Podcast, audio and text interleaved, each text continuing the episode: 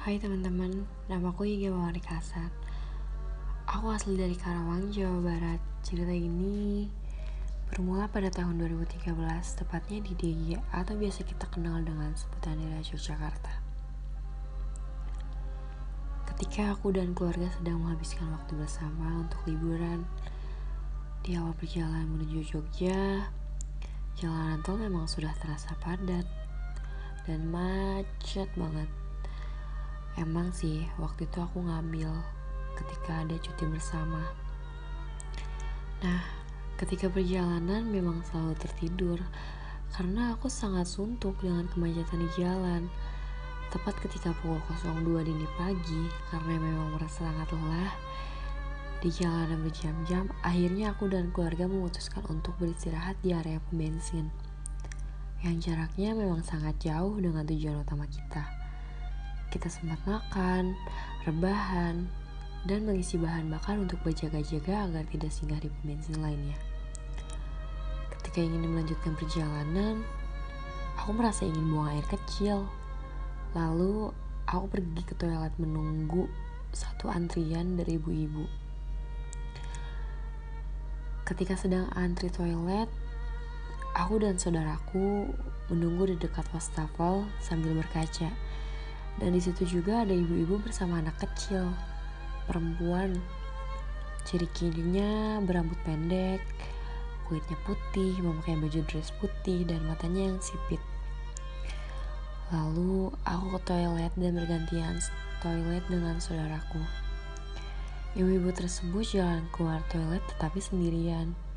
Lalu aku mastiin ke saudaraku kalau ibu-ibu tadi sebenarnya emang sendirian apa sama anak kecil yang cewek tadi.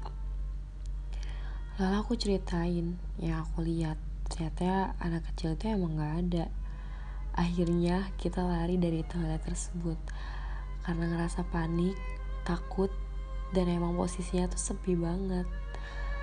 Lalu kita lanjut perjalanan. Ternyata anak kecil itu ngeliatin aku di spion mobil yang ngarah ke belakang jalan.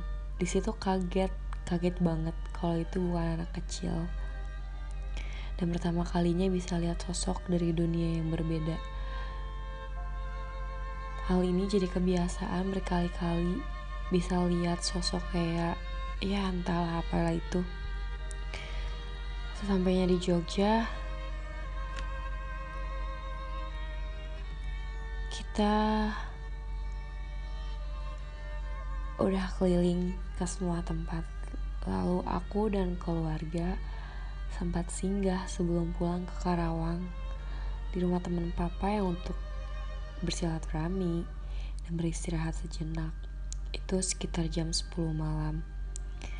Rumahnya emang agak seram dan punya empang luas banget dikelilingi pohon rambutan, pohon nangka, dan pohon mangga.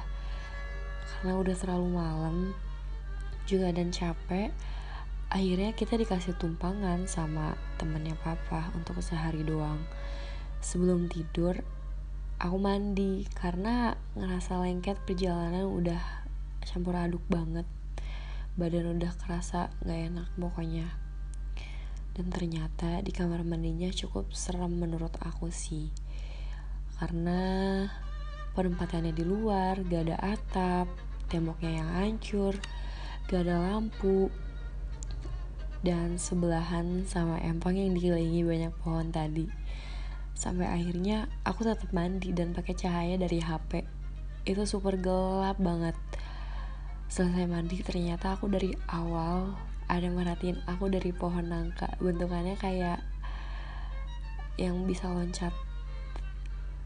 Lalu tiba-tiba ada suara anak ayam banyak banget Mungkin segitu dulu cerita dari aku. Terima kasih.